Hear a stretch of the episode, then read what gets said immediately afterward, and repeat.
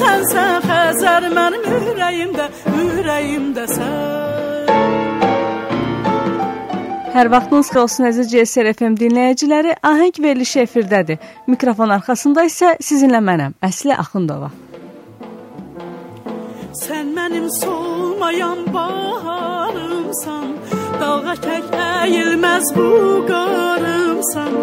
Sən sən ürəyim, arzum diləyim, sən sən ürəyim, eşqim diləyim sən. Sən sən, sən əzəl mənim ürəyimdə sənsən, sən sən Xəzər mənim ürəyimdə sən. Sən sən, sən sən əzəl mənim ürəyimdə sənsən, sən ürəyimdə sən, ürəyimdə sən. непрородимому краю, где рассветы в полнеба над полями пылают, где народ не забыл Пироглу. Bəli, əziz dinləyicilər, bugünkü efirimizdə Azərbaycan bəstəkarı, Azərbaycan Respublikasının əməkdar incəsənət xadimi, Naxçıvan Muxtar Respublikasının əməkdar incəsənət xadimi, Azərbaycan Respublikasının xalq artisti Ramiz Minişli haqqında danışacağıq. arzusunu her gayası kar olmadı. Kahramanlara ne oldu bu torbanın bu diyarın bu diyarın.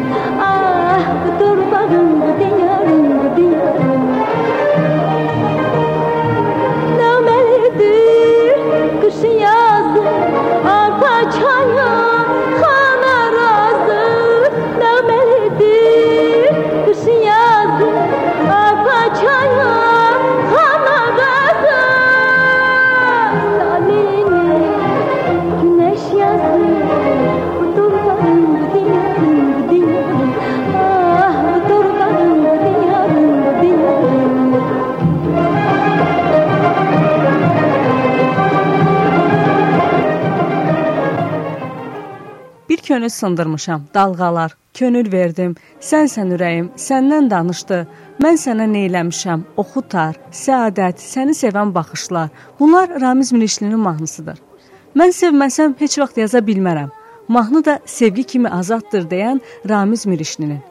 Ramiz Mirişli yaradıcılığı boyu musiqinin bütün janrlarına müraciət edib. Müxtəlif janrlarda əsərlər yazıb.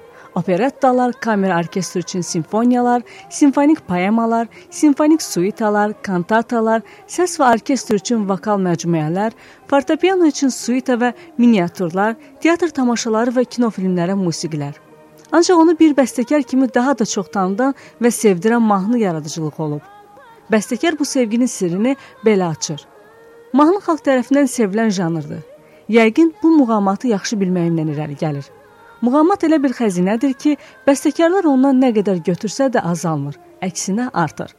Mənə elə gəlir ki, muğam ilahi tərəfindən səmadan göndərilmiş musiqidir. Bu, mükəmməl musiqini yaratmaq qeyri-mümkündür. Onun mahnıları haqqında danışanda deyirlər ki, Ramiz Minişli xalq ruhunda, xalq dilində yazan bəstəkardır. Mahnıların uzun ömürlü olmasının daim dillərdə, könüllərdə səslənməsinin sirri də elə bundadır. Çiçekler açmasa Gelersen yaz gelir. Çiçekler açmasa Gelersen yaz gelir. Üfüqlər tutulsa Gülərsən göy gülər Qəzəblə qışqırsan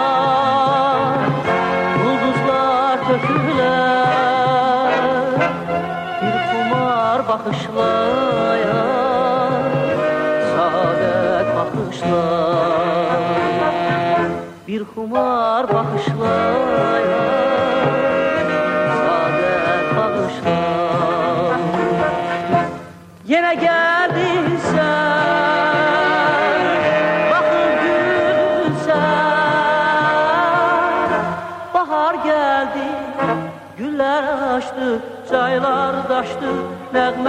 qoşdu, çaylar daşdı, nəğmə qoşdu sənə.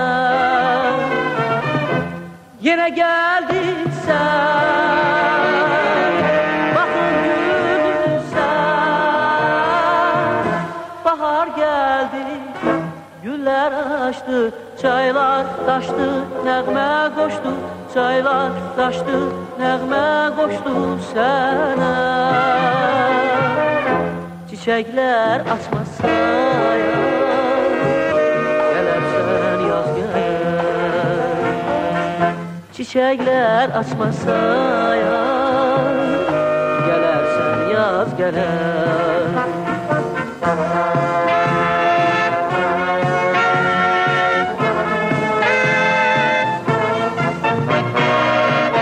Kenara bakarsan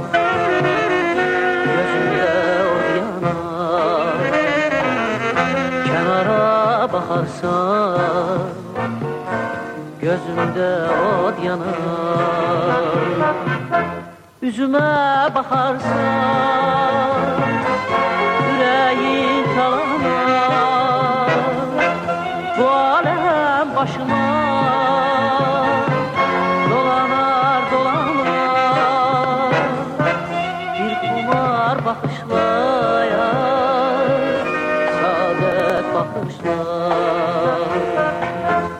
Bir kumar bakışlayar Saadet bakışlar Yine geldin sen Bakıp güldün sen. Bahar geldi Güller açtı Çaylar daştı Nəğmə qoşdu Çaylar daştı Nəğmə qoşdu sənə Yeah yeah.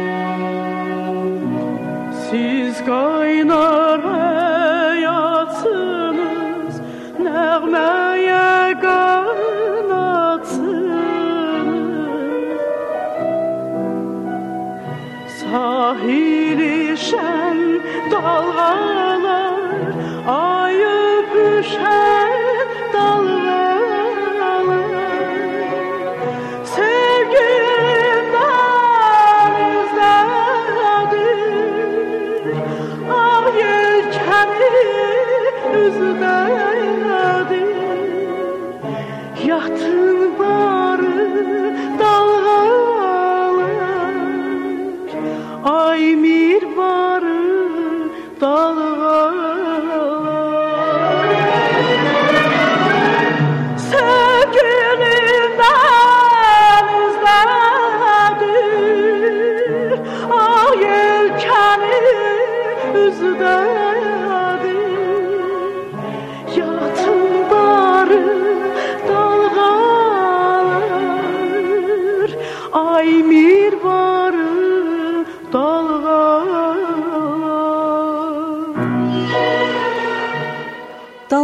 Mahnısının 50 ildən çox yaşı var.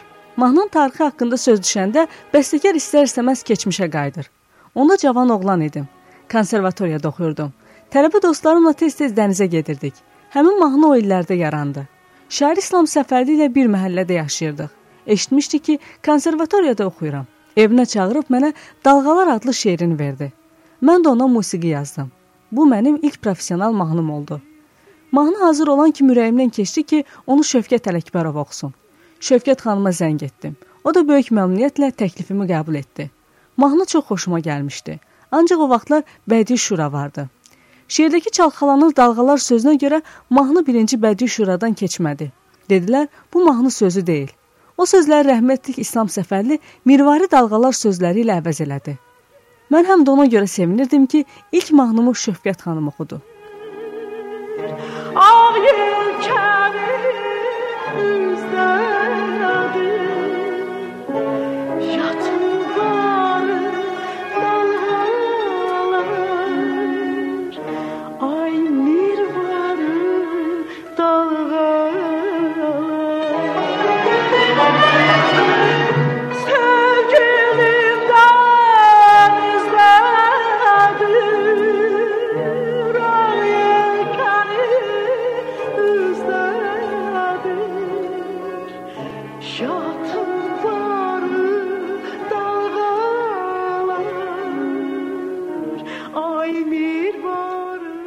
Dalğaların taleyi uğurlu olub.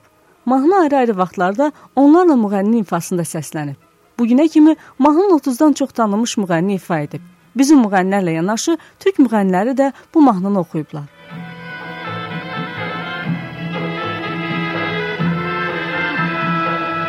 Baxan çaylar sən kiminsən Mənə körpü salanım Doğan günəş sən kimin kiminsin? Benden ışık alanım Sonsuz feza sen kimin kiminsen? Bende kana çalanım Hayatım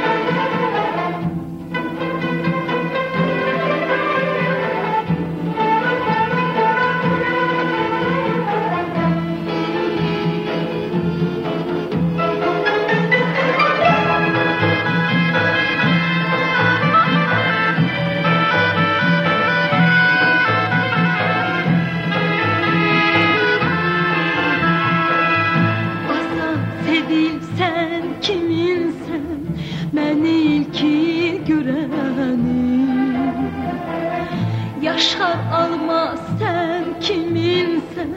Hoşbaht ömür süreni. Ay gül sabah sen kiminsen? Mene hayat vereni.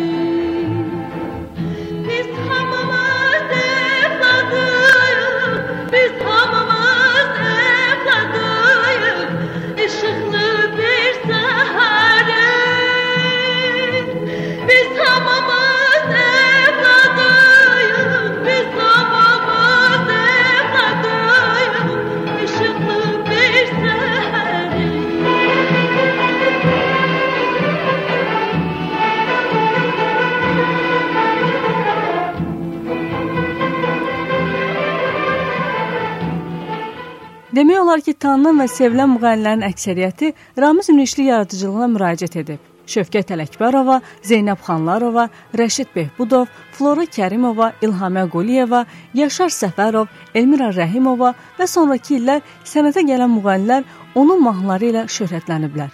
Böyük bir nəsil onun mahnıları ilə yetişib. Ramiz Ünişlinin musiqisi sərhədləri çoxdan aşıb. Türkiyədə, İranda da sevilib. O vaxtlar Türkiyəyə getmək çox çətin idi. Orada Ajda Pekkan, Ay qəlbi kövrək, Nəşə qara böcək bir könül sındırmışam mahnılarını oxu mahnılarımı oxuyurdular. Mənim mahnılarımı İranda da oxuyurdular. Ora ilk dəfə gedəndə məni çox təmtəraqlı qarşıladılar.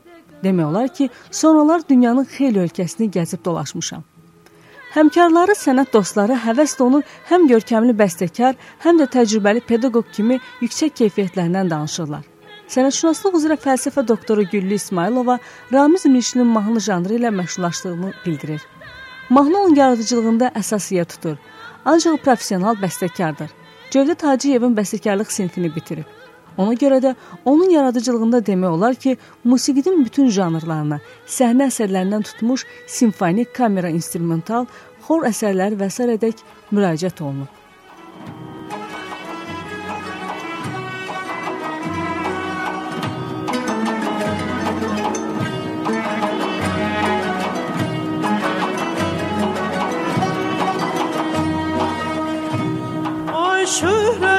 说。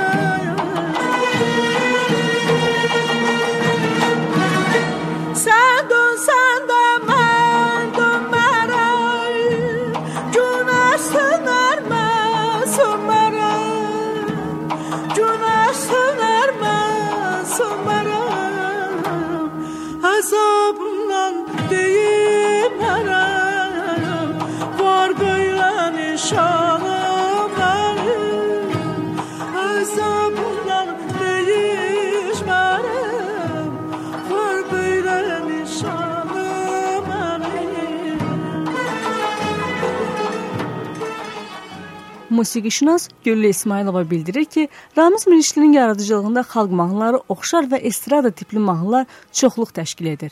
Amma əksəriyyəti xalq mahnılarına yaxındır. Bəzən mahnılara qulaq asanda adama elə gəlir ki, bu asan janrdır. Ancaq bu janrda məşhurlaşmağın özü böyük hadisə idi. Çünki Ramiz Mirişli yaradıcılığa 60-cı illərdə gəlib. Həmin illərdə də Tofiq Quliyev, Cahangir Cahangirov, Səid Rüstəmov kimi mahnı janrının əjdahaları işləyirdi. Ramiz Mirişli bu bəstəkarların içində özünə yol, yaradıcılıq dəstxətti tapa bildi. Kızıl renkli kızıl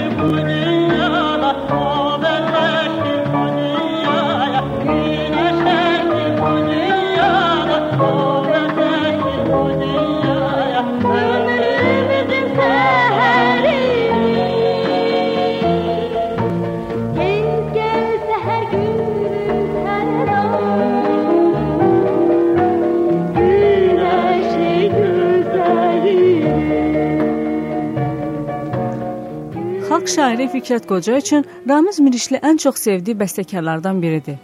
Hamı bilir ki, Ramizə populyarlığı qazandıran mahnı janrı olub. Bu da əbəs yerə deyil. Mən ilk mahnıları onunla 45 il bundan əvvəl yazmışam. Yeni nəsillər gəlir və hamısı Ramiz Mirişlinin mahnılarını oxuyur. Bu ancaq ona görədir ki, Ramiz çox Ramiz çox milli bəstəkardır. Onun mahnılarında milli elementlər, milli folklor var. Bu da təbiidir. Çünki Ramiz musiqi kamança aləti gətirib. O kamança məktəbini qurtarıb. Sonra konservatoriyada bəstəkarlıq sinifində oxuyub. Kamança həmişə onun ürəyinin yanında qalıb. Bu kamançanın yanğısı da, milliliyi də həmişə onun ürəyində yaşayıb. Kamança onun bütün musiqilərində iştirak edir. Ramizi kənara qaçmağı qoymur. Onun hansı səpkdə yazmasından asılı olmayaraq ilk hallardan bilinir ki, bu Ramizin musiqisidir. Bir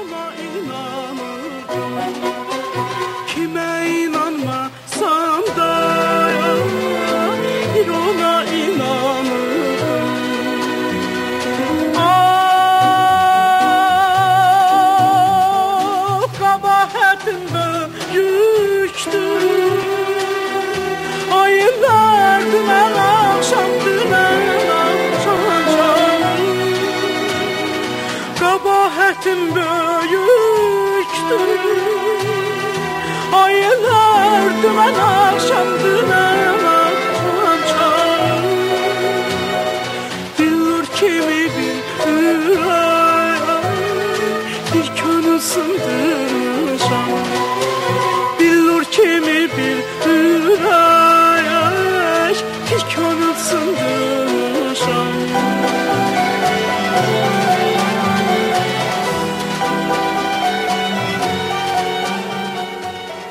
Fikrət Qoca ilə Ramiz Mirişli birlikdə 100-dən artıq mahnı yazıblar.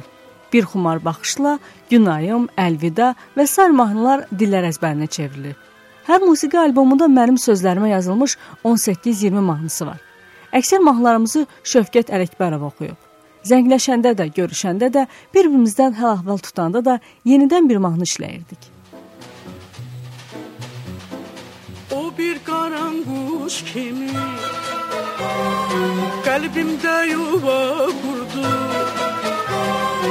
Acı dilim bu Rusul Dilim onu uçurdu Acı dilim bu Rusul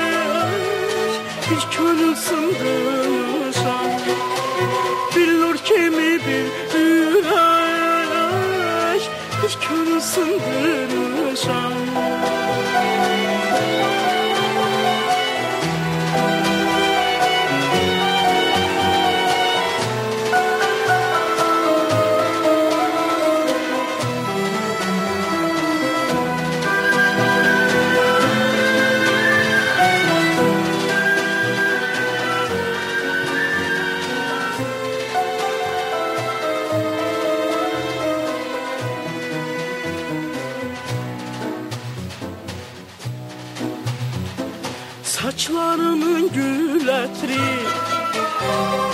Titrəyən ovucumda İntizar baxışları Ağlar yollar ucunda Titrəyən baxışları Ağlar yollar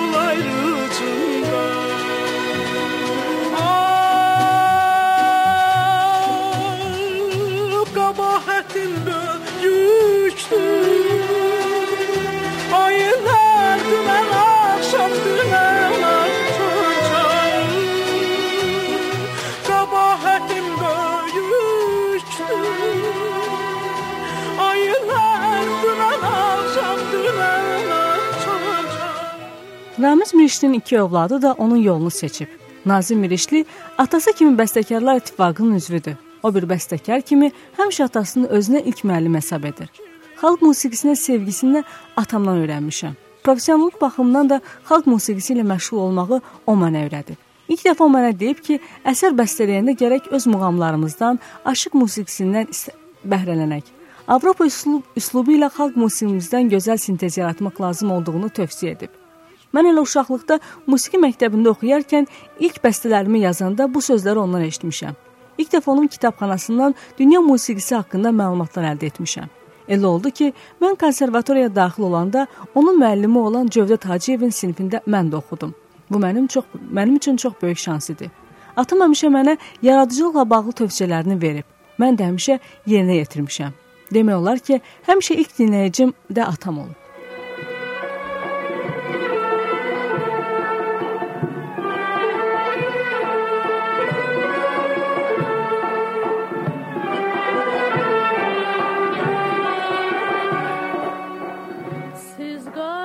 Namus Minişli deyir ki, atasından təkcə musiqinin bəstəkarlığının sirlərini deyil, həmçinin bir insan kimi gözəl keyfiyyətlər öyrənib.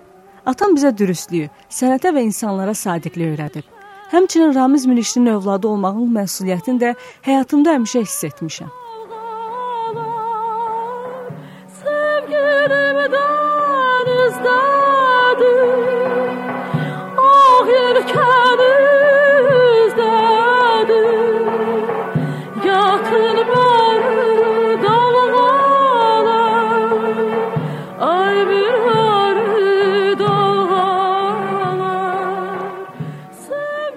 Əziz dinləyicilər, bu günlük bizə ayrılan efir müddətinin sonuna gəlib çatdıq. Bu gün Azərbaycanın tanınmış bəstəkarı Ramiz Mirişli haqqında danışdıq. Mikrofon arxasında isə sizinlə mən idim, Əsli Axundova.